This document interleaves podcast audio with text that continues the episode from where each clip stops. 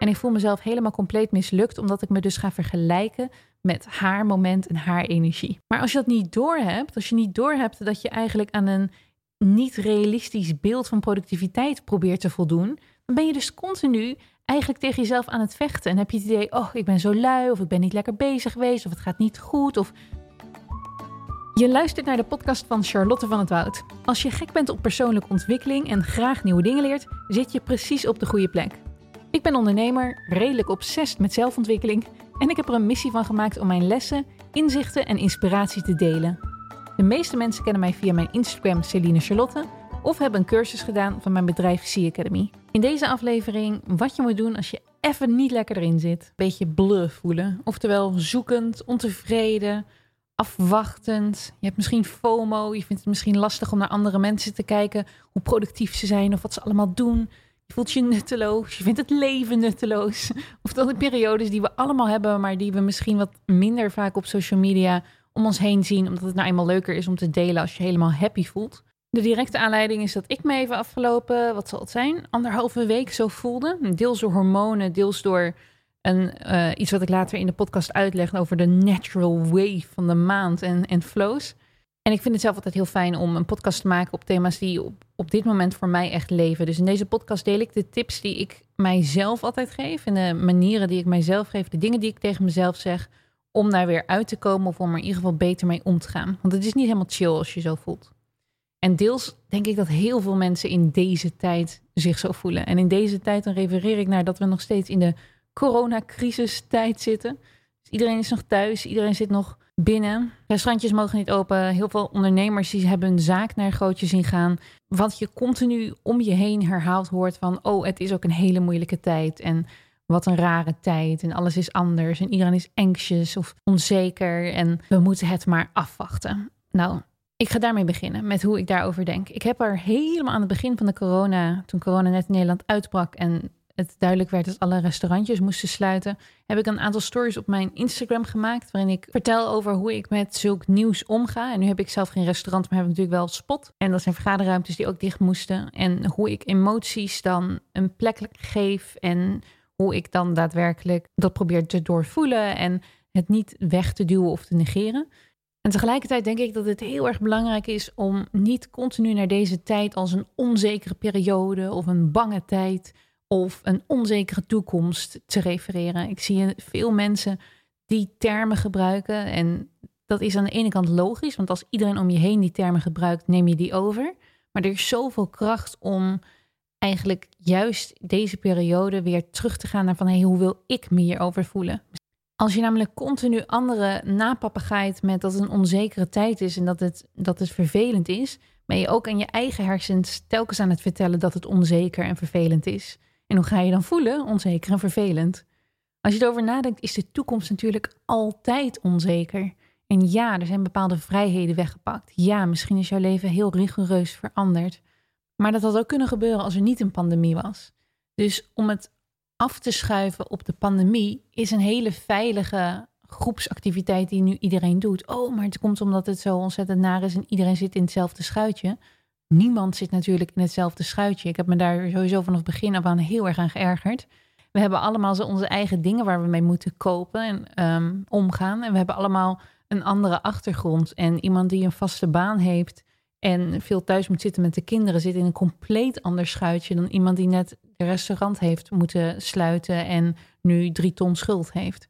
Hetzelfde geldt voor iemand die ontzettend ziek is en waarvoor corona daadwerkelijk een hele erge, gevaarlijke, uh, levensbedreigende ziekte is, als iemand die thuis zit. En ik zeg niet dat voor de een het zwaarder is dan de ander. Maar dit is hoe het leven altijd is. We hebben allemaal onze eigen dingen om mee te dealen. En ik vind zelf een soort van rare, valse schijnwerkelijkheid willen creëren door te zeggen dat we allemaal precies in hetzelfde schuitje zitten. Want dat zitten we absoluut niet. Maar goed, door die gedeelde, we zitten in hetzelfde schuitje mentaliteit die dus toch heerst. Gedeelde angst die voelbaar is in de hele maatschappij. Zie ik ook dat mensen veel meer dan eerst naar elkaar kijken en bedenken of, of zichzelf eraan afmeten als, oh, de ander is nu dit aan het doen. Zou ik dit ook moeten doen? Oh wacht, zij zijn heel erg gezond aan het eten nu tijdens deze pandemie. Dan moet ik dat misschien ook doen. Oh wow, ze is heel productief. Oh wauw, die start een uh, nieuwe podcast. Oh, die gebruikt dit. Dat zou ik eigenlijk ook moeten doen. En daardoor ontstaan er schuldgevoelens. En daardoor ontstaat het idee van FOMO, fear of missing out. Als ik nu niet meedoe, als ik nu ook niet alles online gooi, als ik nu ook niet als een gek uh, op Zoom een, een klas ga geven in plaats van mijn normale klas, dan val ik er buiten, dan doe ik niet mee. En daar ontstaat als een soort van tegenreactie weer heel veel mensen op die zeggen: Nou, ik doe helemaal niks en ik zit de hele dag in pyjama en dat is ook helemaal prima. Oftewel, ik heb het gevoel dat heel veel mensen ontzettend naar elkaar kijken en dat niemand er veel blijer van wordt. Dus mensen die zijn uit hun comfortzone, weten even niet goed wat ze moeten doen.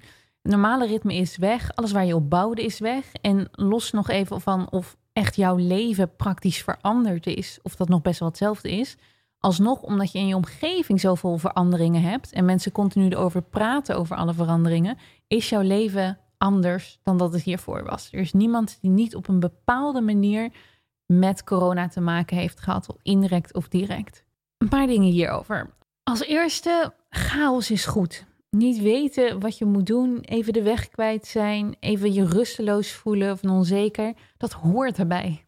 Hoe super saai zou het zijn in het leven als je eigenlijk alleen maar tak, tak, tak al je doelen afwerkt, altijd maar doorstoomt, altijd precies weet waar je heen wil, op welke weg je zit, wat je aan het doen gaat en dat alles lukt en dat alles maar, weet je wel, als een malle loopt, dan zouden dus de dagen dat het is gelukt of dat je een doel hebt bereikt, die zouden veel minder leuk zijn omdat je gewoon niet zoveel tegenslag hebt gehad. Omdat je die zoekende dagen niet hebt gehad, kan je ook niet extra genieten van de dagen waarin je dus wel precies doelgericht bezig bent met wat je wil bereiken. Ik geloof zelf natuurlijk heel erg in een meer holistische, intuïtieve kijk op productiviteit en doelen halen. Het gaat allemaal meer om luisteren naar wat jij wil, waar jij toe in staat bent op dit moment van je leven, welke periode van de week of welke periode van de maand je zit. Als vrouw maakt dat altijd heel veel uit, welke periode van de maand je zit. En luister dan naar wat je dan het beste zou kunnen doen. Dus daar hoort bij mij altijd elke maand en elk half jaar en weet ik veel hoe vaak dat ritme terugkomt, horen er perioden van chaos bij.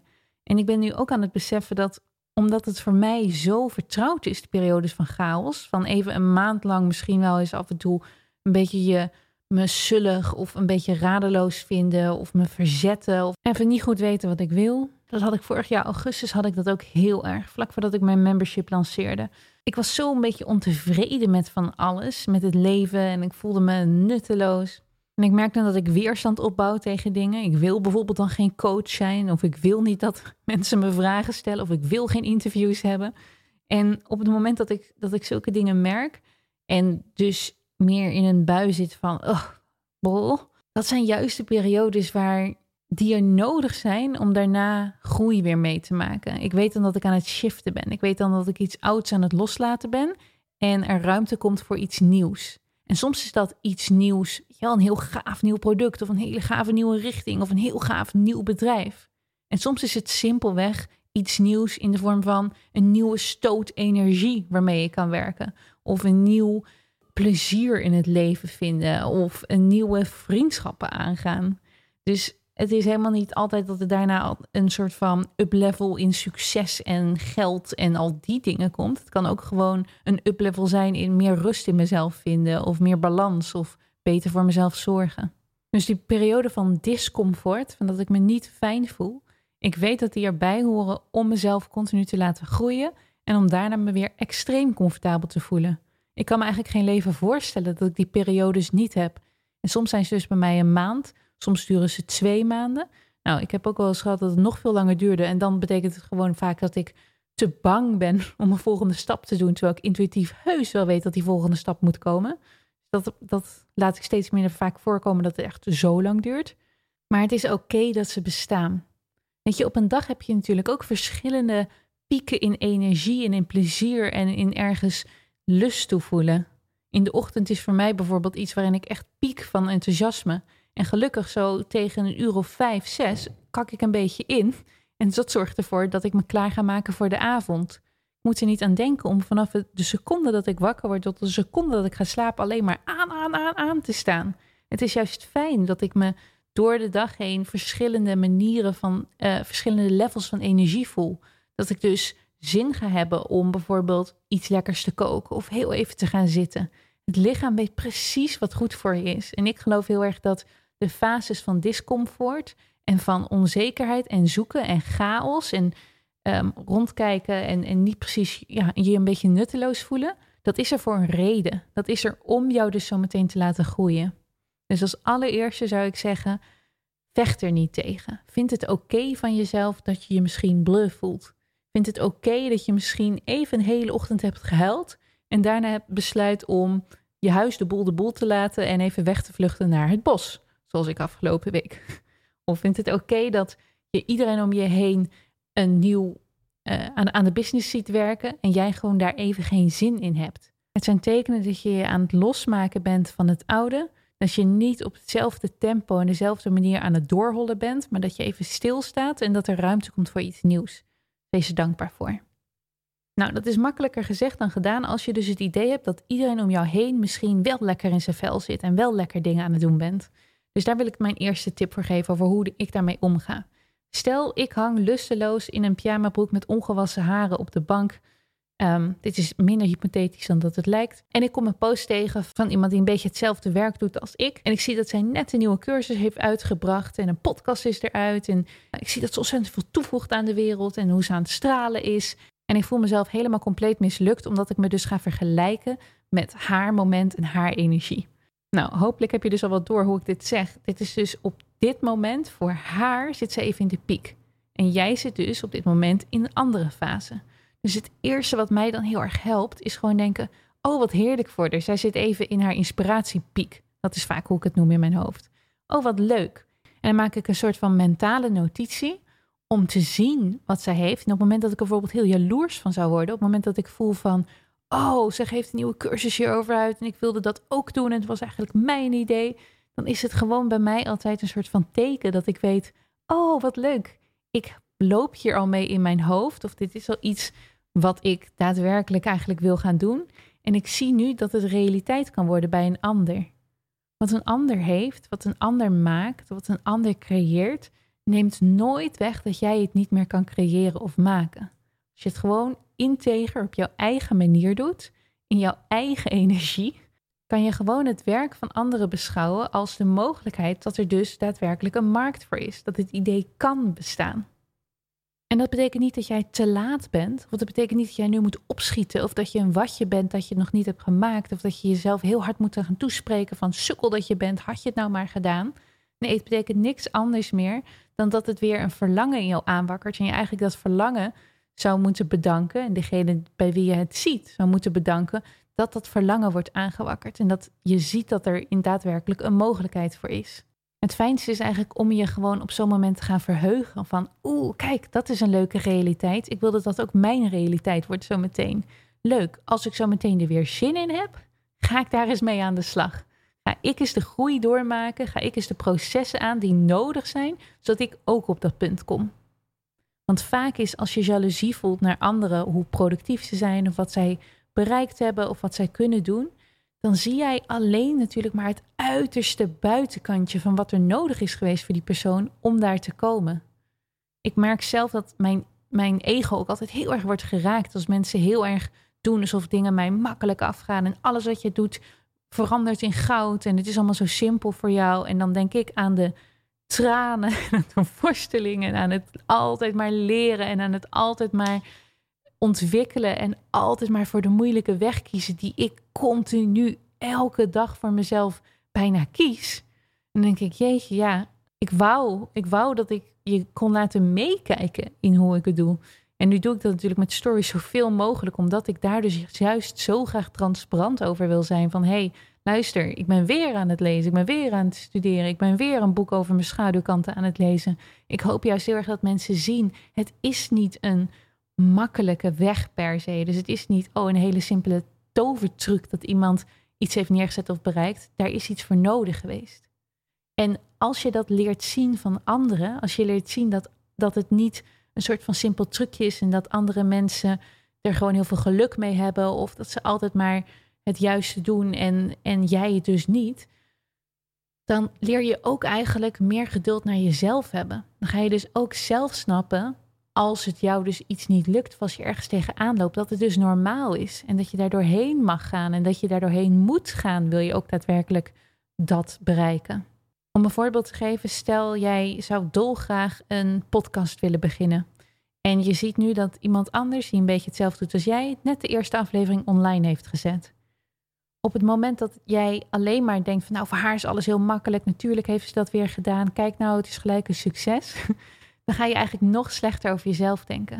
op het moment dat jij denkt, oh wauw, wat zal ze allemaal hebben moeten overwinnen om daar te komen, om dat te kunnen en om dat te durven, dan ga jij, als jij zo meteen over twee dagen achter je microfoon zit en een podcast proberen te maken, dan ga je veel liever naar jezelf kijken ook.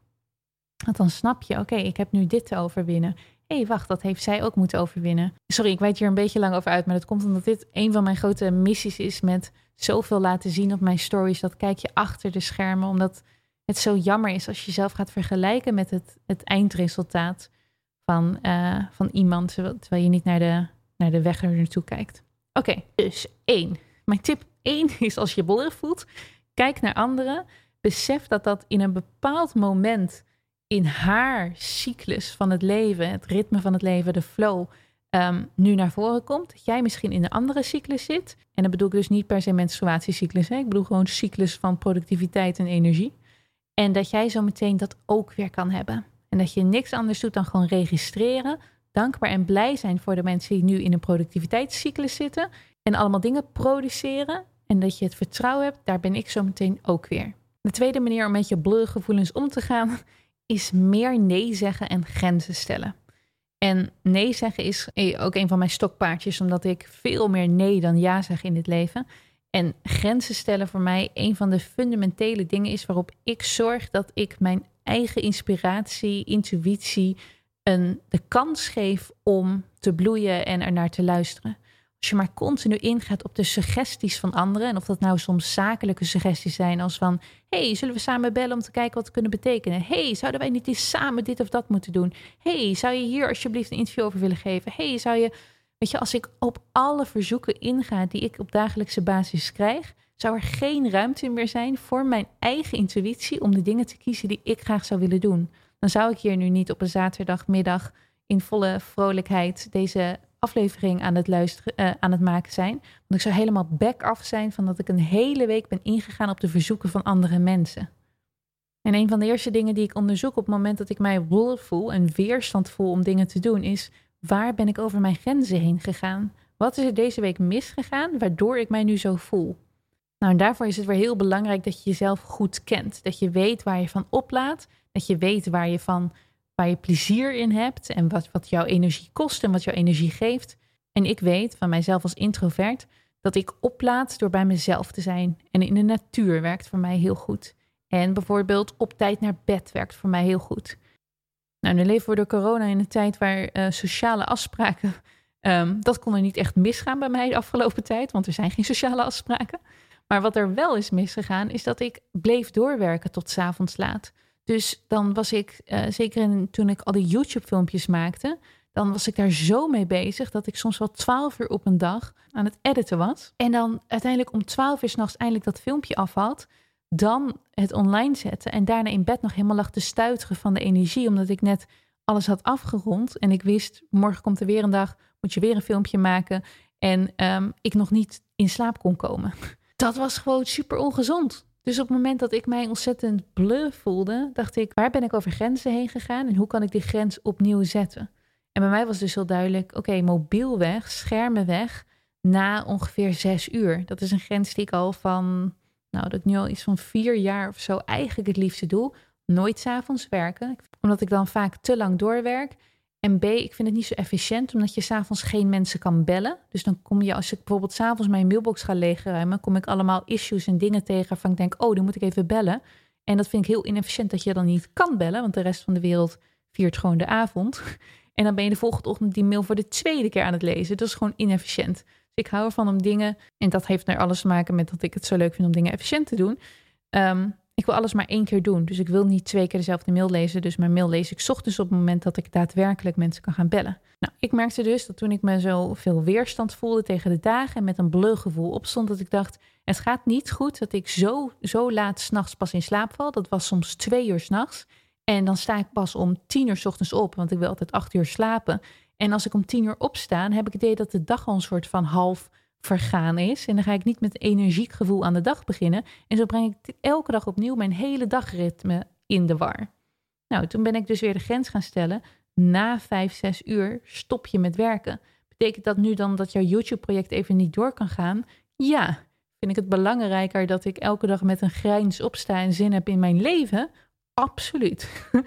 Dus YouTube-project is even daarom op stop gezet. En ik ging eerst zorgen dat ik niet met een gevoel opstond ochtends, maar daadwerkelijk weer in de energie en het plezier kwam. Een andere grens die uh, ik vanochtend toevallig nog heb gezet. Ik werd ge-sms door een vriend of we een afstandswandeling konden doen. Dus op anderhalve meter afstand even een stukje lopen. En het is weekend. En voor mij is mijn weekend heilig. En mijn weekend breng ik met niemand anders door dan met mezelf, in principe. Uh, behalve als ik zelf spontaan besluit: hey, het lijkt me leuk om met die of die te zijn. Even kijken of ze tijd hebben. Maar afspraken maak ik niet. Daar hebben jullie me vaker over gehoord. En ik zat te denken: oh, echt heel leuk om met deze vriend weer te gaan wandelen. Het is een tijd geleden. Maar toen dacht ik: nee, wacht eens. Ik heb de hele week door tijd voor die vriend. Maar in het weekend wil ik graag alleen zijn. Ik ga toch zeggen: nee, sorry, ik wil niet in het weekend met je wandelen. Laten we een keer proberen door de week. En tot nu toe heeft hij altijd door de week niet gekund. Maar dat betekent dus niet dat ik daarom moet buigen en mijn leven moet omgooien, zodat ik toch maar tijd met hem kan doorbrengen.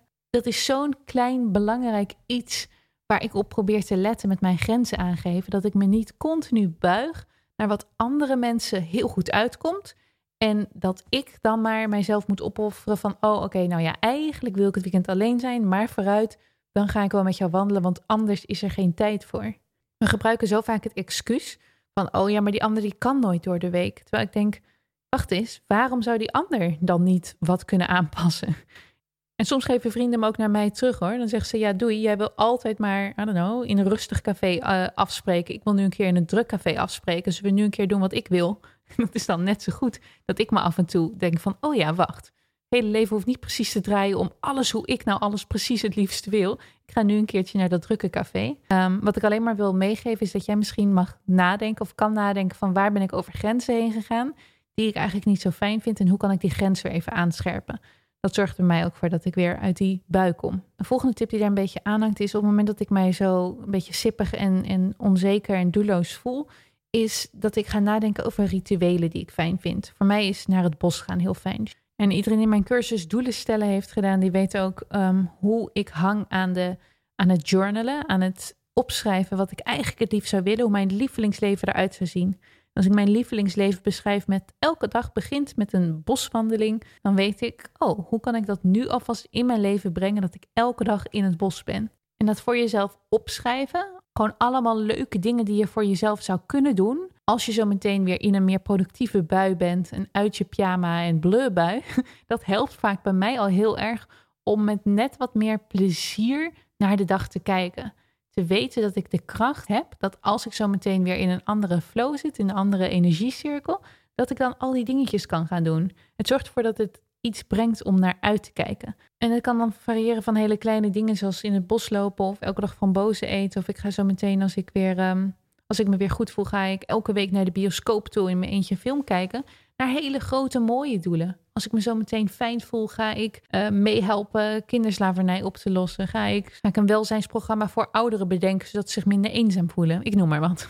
Ga op zoek naar de dingen die jou aanzetten, waarvan je denkt, oh, daar heb ik zo meteen zin in. Zonder dat je tegen jezelf zegt, je moet het dan nu ook allemaal gaan doen. Het moet perfectionistisch. Ik bedoel gewoon meer, maak een lijst met leuke dingen om naar uit te kijken. Dus eer de plek waar je nu in zit, van bol, ik wil het maar even niet. En maak alvast een lijst voor als ik er zo meteen uit ben, zou dit misschien leuk zijn. En het derde punt is in actie gaan.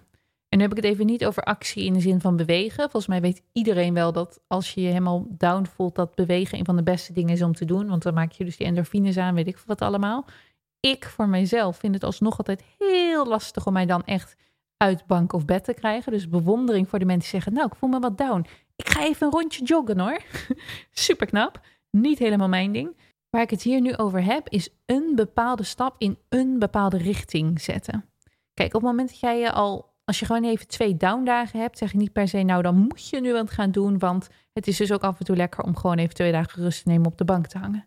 Maar als je al een tijdje, laten we zeggen een week, anderhalve week, in een soort van limbo zit, waardoor je voelt dat er niks uit je handen komt. Je weet niet welke richting je op wil. Je weet niet wat je wil doen met het leven. Je voelt je uh, kortom richtingloos, stuurloos, besluiteloos. En je bent aan het wachten op iets. Dan is het goed om toch maar een actie te doen. En ik grijp nu even terug naar de, de coronatijd waar we in zitten. Heel veel mensen voelen zichzelf, en dat heb ik ook gevoeld, in een soort van wachtstand. Ik noem het even limbo. Dus zometeen wordt misschien zo alles weer beter. En tot die tijd moet ik maar gewoon afwachten. Maar als je dat vaak genoeg tegen jezelf blijft zeggen: ik kan niks doen, ik ben hulpeloos, ik moet afwachten. Merk ik bij mezelf dat ik in meerdere aspecten van mijn leven een beetje hulpeloos en afwachtend word. En er zit heel veel vrijheid en plezier in juist die controle nemen erover. Dus iets gaan doen, een richting kiezen. En dan is het misschien een richting die je een week uitprobeert dat je denkt, nou hier heb ik toch niet zoveel zin in, laat maar, dan dat je helemaal niks probeert. Nu moet ik er wel bij zeggen, je zag veel mensen of je ziet veel mensen in deze tijd, dus ook vanuit een soort van, oh nee, oh nee, ik kan niet afwachten, want dan gaat mijn inkomen eraan, ik moet nu dingen doen. Heel veel dingen online zetten, aanbieden, um, uit een soort van angst en tekortgedachte zichzelf, zeg maar, aanbieden. Ik heb daar totaal geen mening over in de zin van dat vind ik slecht of zo. Want ik heb bewondering voor elke stap die iedereen zet. Maar ik denk wel dat jij bij jezelf heel erg te raden mag gaan. Is dit wat mij zou dienen? Zou ik nu als een malle nu bijvoorbeeld mijn programma online moeten zetten? Zou ik nu als een malle een drive-in moeten openen in plaats van mijn normale restaurant? Is dat het soort actie wat nu op dit moment voor mij bij mij past en voor mij slim is. En ik denk dat voor sommige mensen dat zo is. Ik denk dat er heel veel mensen uit hun comfortzone worden geduwd en ze gedwongen worden om naar zichzelf anders te kijken of hun bedrijf anders te zien. Maar als je het puur doet uit een anders loop ik geld mis, anders is een tekort, dan zou ik zeggen, probeer een andere actie te ondernemen. Er zijn zoveel andere acties dan je verdienmodel alleen maar omgooien. Je verdienmodel, oftewel de manier waarop jij geld verdient, de manier waarop klanten iets van jou kunnen kopen. Dat is maar zo'n klein onderdeel van jou als ondernemer uh, of van jouw onderneming. Het is een van de meest zichtbare en een van de meest tastbare. Want op het moment dat jij jouw verdienmodel gaat veranderen, dus op een andere manier of tegen een andere prijs iets aanbiedt of op een andere manier iets aanbiedt, merk je bijna onmiddellijk direct resultaat. Als je bijvoorbeeld altijd iets verkoopt voor 200 euro en opeens zeg je nou door de coronacrisis is het nog maar 20 euro, dan zul je zien dat er opeens veel meer klanten komen. Als jij juist andersom jouw product uh, van het was altijd 50 euro, nu doe je het 500 euro en noem je het een VIP-klas en is het alleen maar voor een bepaald aantal, een hele selecte club, dan zal je andere klanten aantrekken en dan zullen er dingen gaan veranderen. Dus het fijne aan, aan je verdienmodel knutselen en draaien is dat het zo zichtbaar is. Maar als je eraan gaat zitten alleen maar uit angst dat er anders een tekort is, dan doe je het met de verkeerde energie. En als je vanuit die verkeerde energie dingen op de markt brengt, zal je dus ook niet eigenlijk het gewenste resultaat krijgen, denk ik. Geld verdienen, geld is een soort van energetisch bijproduct, als een side effect. Het is het resultaat wat je krijgt van al jouw inspanning, liefde, uh, kennis, skills, de hele combi van alles wat het is om een onderneming te hebben, dat komt terug in geld. Dus als je alleen maar denkt: oké, wacht, dit werkt niet meer. Mijn oude verdienmodel is nu naar het grootje, want het, het is niet meer. Ehm, eh, op deze manier is er, is er geen inkomsten meer. Dus ik moet nu mijn verdienmodel veranderen. Dan heb je maar een heel klein deel te pakken. Er zijn heel veel mensen die tegen mij zeggen: waarom doe je nu niet um, spot veel goedkoper weg? Of kan je niet mensen bijvoorbeeld er thuis laten werken? Of die, die dragen allemaal dingen aan voor mij als, als eigenaar van Spot om het om daadwerkelijk geld binnen te zien stromen. Maar ik ben in heel veel rust over spot. Tuurlijk, jammer dat mijn oude verdienmodel nu even helemaal niet, niet klopt. Maar ik ben in heel veel rust erover, omdat ik zelf aan honderd andere knoppen aan het draaien ben. Ik ben mijzelf als ondernemer bijvoorbeeld aan het ontwikkelen. Ik ben YouTube-filmpjes aan het maken. Ik ben op de achtergrond bezig om mijzelf, mijn onderneming, veel sterker te maken naar een volgend niveau te tillen. En dat doe ik liever dan dat ik nu met een soort van angstgedachte aan mijn verdienmodel ga, ga knoeien. En los nog van dat die meer energetische reden erachter zit, is het ook helemaal niet praktisch om aan mijn verdienmodel te gaan knutselen. Want laten we zeggen dat ik nu voor 100 euro mensen die thuis gek worden van de kinderen in mijn kantoorruimte zou laten om daar te kunnen, nou ja, kantoor te kunnen spelen. Dat zou betekenen dat ik, uh, normaal is mijn ruimte 800 euro per dag. Dat zou betekenen dat ik dus 1 achtste van de prijs ga vragen. En toch heb ik dan de kosten van de host. Dan heb ik toch het risico wat zij lopen, omdat er bijvoorbeeld in mijn kantoor iets gebeurt en dat ik daar verantwoordelijk voor ben. Als het internet uitvalt, moet ik toch op een bepaalde manier ervoor zorgen dat het internet het weer doet. Er moet iemand zijn die de uh, telefoon gaat beantwoorden op het moment dat je ander soort klanten gaat binnenlaten. Want mijn normale klanten zijn natuurlijk een soort van high-end klanten. In de zin van je betaalt 800 euro voor een ruimte. Dat zijn mensen die continu zulke ruimtes uh, verhuren. Als ik een hele nieuwe doelgroep klanten ga aanboren, omdat ik een heel ander om een hele andere prijs ga vragen, zullen er hele andere vragen komen. Moet ik daar weer mensen opzetten die die vragen gaan beantwoorden? Zullen daar weer problemen mee kunnen op, optreden? Dus er is ontzettend veel gedoe om een ander verdienmodel te gaan installeren. En ik denk gewoon van ja, dat is het mij totaal allemaal niet waard. Kostenwijs is dat niet eens slim. Ik kom dan helemaal niet uit als ik iets voor veel minder van de prijs doe. Dus hoewel het van de buitenkant kan lijken, oh, maar dat is dan toch slim, want dan verdien je toch een klein beetje geld, is dat totaal niet hoe ik erin sta. Dat toch een klein beetje geld verdienen, dat gaat in het niet vallen in alle mogelijkheden die ik heb om heel veel geld te verdienen, als ik maar gewoon aan de achterkant bezig blijf met mijzelf als ondernemer, skills aanleren, vaardigheden aanleren, door blijf ontwikkelen. Hoe meer jij zelf als ondernemer kracht, rust, mindset bezit die ervoor gaat zorgen dat jouw bedrijf naar een volgend level kan, dat is veel belangrijker dan misschien nu die extra 100 of 200 euro erbij te pakken. Dus neem de tijd om een boek te lezen. Neem de tijd om, als dat misschien juist voor jou nu nodig is, dus even helemaal niks doen en even los te komen van het ritme waar je altijd in zat. Zorg ervoor dat jij sterk voelt, dat jij er sterk uitkomt. Dat je zo meteen met plezier en zelfvertrouwen iets op de markt kan zetten waarvan je denkt: hey, wauw, dit is fantastisch. Hier heb ik zin in om dit uit te brengen, in plaats van uit die angst.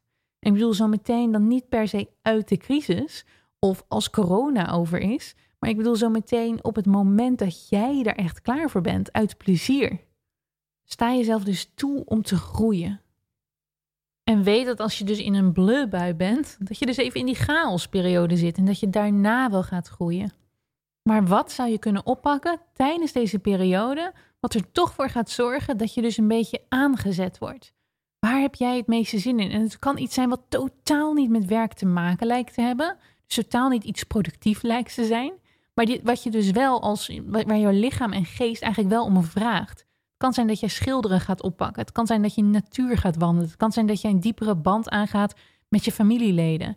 Dingen waar jij naar verlangt, dat is waar jij waarschijnlijk naartoe mag gaan. Zo makkelijk is het soms om op je intuïtie te vertrouwen, naar je intuïtie te luisteren. Kijken waar je het meeste zin in hebt. Dus als je in een blubui alleen maar de hele dag zit te denken: Oh, ik moet eigenlijk werken, maar ik heb eigenlijk zin om te gaan koken. Ga de hele dag koken.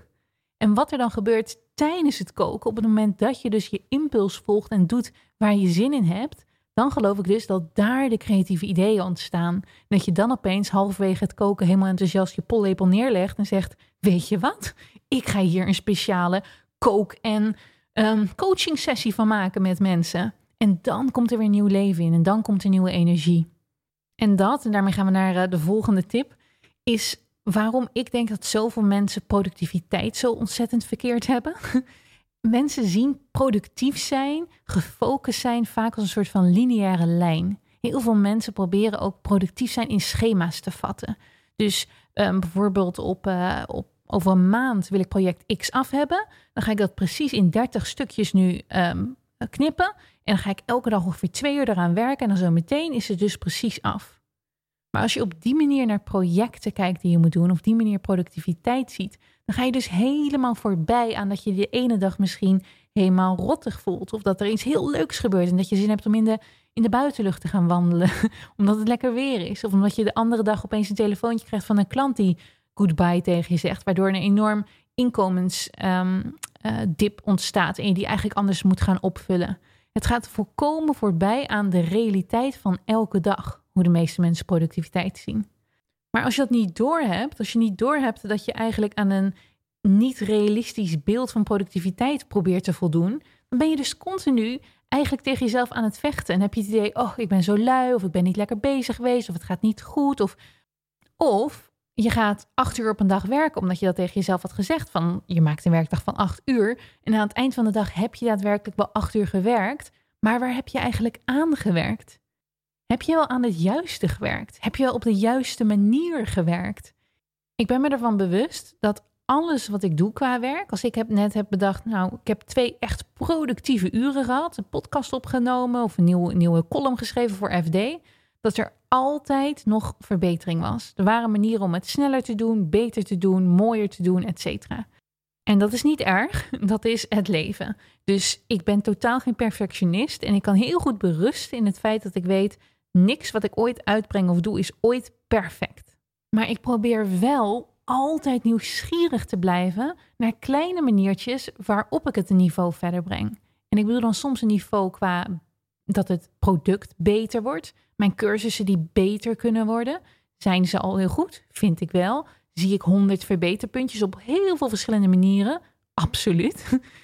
Maar ook op manieren waarop ik beter en sneller werk. Als ik bijvoorbeeld minder perfectionistisch was, of minder angstig was, of minder faalangstig was, zou ik sneller werken. Zou ik misschien niet acht keer opnieuw de intro hoeven doen en heel onzeker zijn.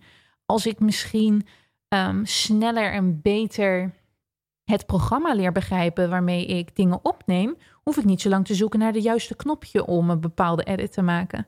Dus ik ben mij bij alles wat ik doe en wat ik werk noem, mijn werkuren, ervan bewust dat er manieren zijn om dat te optimaliseren. En dat geeft me dus niet een onrustig gevoel, maar het geeft me een vrolijk gevoel van hey, mooi. Ik blijf alles timen, ik blijf kijken hoe lang ben ik ermee bezig en ik blijf kijken en zoeken naar manieren om dat sneller en beter te kunnen doen. En waarom? Het geeft me uiteindelijk vrijheid. Vroeger deed ik over een lastige mail maken, deed ik misschien twee uur nadenken, pijnzen, buikpijn krijgen, met mensen overleggen.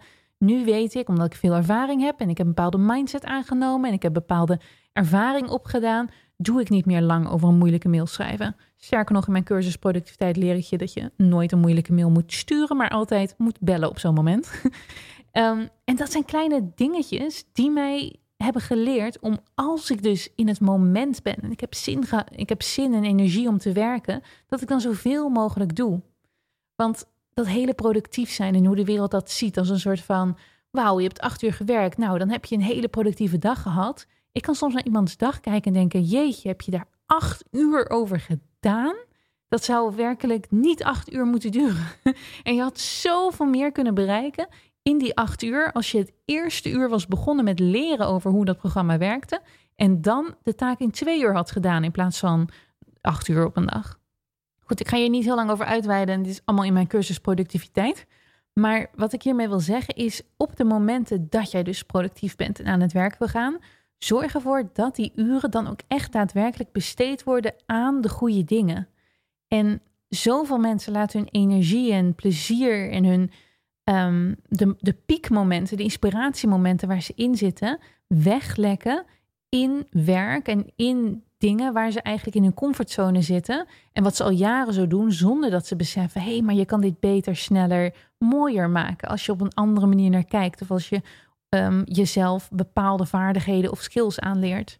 En dat is zo ontzettend zonde. Dus zoveel mensen die in mijn optiek, die, die werken en die werken maar zonder eigenlijk dat ze stilstaan en goed en kritisch naar zichzelf kijken. Heeft dit project wel zin? Werk ik daadwerkelijk nog wel aan de dingen die me energie geven? En dat ze eigenlijk heel veel mensen moeten stoppen met bepaalde taken. En moeten stoppen met bepaalde handelingen continu opnieuw doen. Je kent ook wel zulke. Um, ik, ik ben ook altijd een beetje wars van zulke content. Uh, kalenders voor social media. Als je mijn vlogcursus hebt gedaan, weet je, weet je dat. En ik zeg alles bij wat ik zeg is altijd, weet je wel, natuurlijk ook mijn eigen personal preference. Maar wat ik soms moeilijk vind aan mensen die heel strak een contentkalender volgen, dat zie je vaak in de authenticiteit van die posts terug.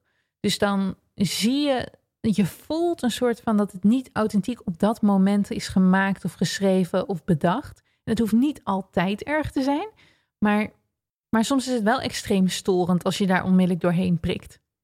En dan posten mensen liever sowieso drie keer per week een quote, een inspirerend iets, want dat is goed voor het algoritme, want dan zijn ze zichtbaar. Dan dat ze één keer per week echt vanuit hun hart iets posten. En, en dat vind ik zo zonde. Dat is dus kwantiteit over kwaliteit. En dat is hoe ik ook heel erg naar productiviteit kijk. Ga voor, die, ga voor het echte, het, hetgene waar je van aan gaat staan. Doe dat op de juiste manier. Geef daar je 100% aan dat je, dat je er alles aan doet om, om het beste uit jezelf te halen. Het beste uit het werk wat je doet. En ga niet zomaar uren maken, uren schrijven, omdat je idee hebt, nou, ik moet dit nu aan het doen zijn. Let ook op de tijden dat je werkt. Het idee dat mensen allemaal van 9 tot 5 werken is zo belachelijk. We zijn allemaal zo verschillend. En de ene die heeft een heel druk, gezin, een heel druk gezinsleven. En die heeft er bijvoorbeeld veel meer baat bij om bijvoorbeeld al heel vroeg op te staan, nog voordat de kinderen wakker worden. Of misschien juist dat als de kinderen allemaal naar school zijn, dat ze eerst twee uur tot zichzelf komt, even iets leuks voor zichzelf doet en dan pas aan het werk te gaan. In plaats van dan denken: oké, kinderen zijn het huis uit, ik kan nu gaan werken. Huppa, moet. Weet je wel? Dus ja, iedereen is zo persoonlijk. Het ligt aan je karakter, het ligt aan je ritmes, het ligt aan je voorkeuren, het ligt aan het soort werk wat je doet, wanneer voor jou jouw ideale momenten zijn. Ik denk wel dat in het heel algemeen we kunnen stellen dat voor niemand acht uur werken op een dag eigenlijk goed is. Tegelijkertijd, soms werk ik wel 12 of 14 uur op een dag. Als ik dus echt helemaal in een flow zit en ik er eigenlijk helemaal niet meer uit kan komen. Omdat ik denk, oh, dit is zo leuk. Ik ga hier zo van aanstaan. Vind dit zo te gek om te maken. En dan blijft het maar doorgaan. En dan vergeet ik even te eten. En niet gelijk gezond, maar wel, ik weet, ik weet ook, ik ga mij daar niet voor afstraffen. En ik ga dit niet per se nu denken, nou Charlotte, je hebt nu acht uur gewerkt, stoppen nu hoor. Absoluut. Want ik ben dan in een flow en dat is goed. En dan mag ik daarna misschien wel even drie dagen helemaal lekker niks doen. Omdat ik dan zo ontzettend veel moois heb gecreëerd en even helemaal op ben. Je kan gewoon ook qua inspiratie even op zijn en meer moeten opladen, et cetera. Nou, ik weet niet precies hoe ik in deze rant uh, ben beland. Ik weet wel, als jij meer wil weten over productief werken, mijn cursus die begint zo meteen op 11 mei. Die is op Instagram, die kost 149 euro exclusief BTW. Er zitten allemaal bonusmodules bij, onder andere voor perfectionisten. Ik denk zelf dat perfectionist zijn echt het minst handige is wat je ooit kan zijn en ooit kan doen. En um, alhoewel ik van nature en ook ben opgegroeid in een perfectionistisch gezin en zelf ook heel perfectionistisch was, is dat een van mijn grootste, noem je dat, triomfen, juichmomenten dat ik elke keer weer opnieuw bedenk, gelukkig ben ik geen perfectionist meer. En als ik ergens te lang mee wacht, weet ik, oké, wacht, dat is mijn perfectionisme weer. Nu ga je het eruit, uh, eruit gooien. Maar goed, de cursus begint dus 11 mei op Instagram. Um, we, gaan een week lang aan de slag met al die thema's. Met hoe je productief kan zijn. Met alle maniertjes en tips en trucs die ik heb um, bedacht. En als je nou zegt, nou, ik, ik luister dit en het is al 11 mei geweest. Ik heb voor 199 euro, dus 50 euro meer, heb je ook toegang tot de eeuwigdurende productiviteitscursus. Dat is precies dezelfde cursus, precies dezelfde inhoud. Um, maar dan met een extra module voor werknemers, dus mensen die in loondienst zijn. En die is op video gemaakt. Dus die is niet op Instagram, maar die kan je gewoon altijd bekijken in je eigen tijd. En nou ja, die, uh, die werkt dus als een normale videocursus. Ik heb dus twee versies van deze cursus gemaakt. één op Instagram, één op video. Leuk als je mee wilt doen. Kijk vooral even op Sea Academy site. Daar staat alles. In ieder geval heel erg bedankt voor het luisteren naar deze aflevering opnieuw. Ik vind het altijd te gek als je een review zou willen achterlaten. Ik ga vanaf nu iedereen die een review schrijft, ga ik ook mijn versie van het e-book toesturen. En het e-book gaat over een soort van kleine mini-cursus ondernemen, bestaande uit columns die ik eerder heb geschreven voor het AD. En in acht stappen neem ik eigenlijk allemaal mythes door over ondernemen. En is een soort van schop onder de kont voor iedereen die eigenlijk al heel erg lang zegt van... oh, maar ik loop hier heel erg tegenaan, marketing durf ik niet... of sales vind ik moeilijk of bla. Korte, korte stukken waarin ik um, mijn gedachten daarover geef. En de mensen die het nu toe hebben gelezen, die vonden het heel motiverend. Dus uh, die ga ik sturen aan iedereen die review achterlaat over de podcast. En dat doe je door even een foto te maken van je review voordat je op verzenden of sturen drukt. Zodat ik ook weet dat jij de review hebt geschreven en heb ik ook gelijk je e-mailadres. Dus je maakt een foto, je stuurt dan naar info@theseaacademy.com een, um, een screenshot van jouw review. Dan heb ik jouw e-mailadres en krijg je van mijn team een mailtje terug met het e-book. Dus zo, uh, zo hebben we hem bedacht. Het lijkt, lijkt even veel werk, maar is eigenlijk helemaal, valt heus wel mee. Dus zou je dat willen? Um, dat lijkt me te gek. Dankjewel voor, uh, voor de moeite. Goed, superleuk dat je luisterde. Tot de volgende keer en ik zie je op mijn Instagram Celine Charlotte.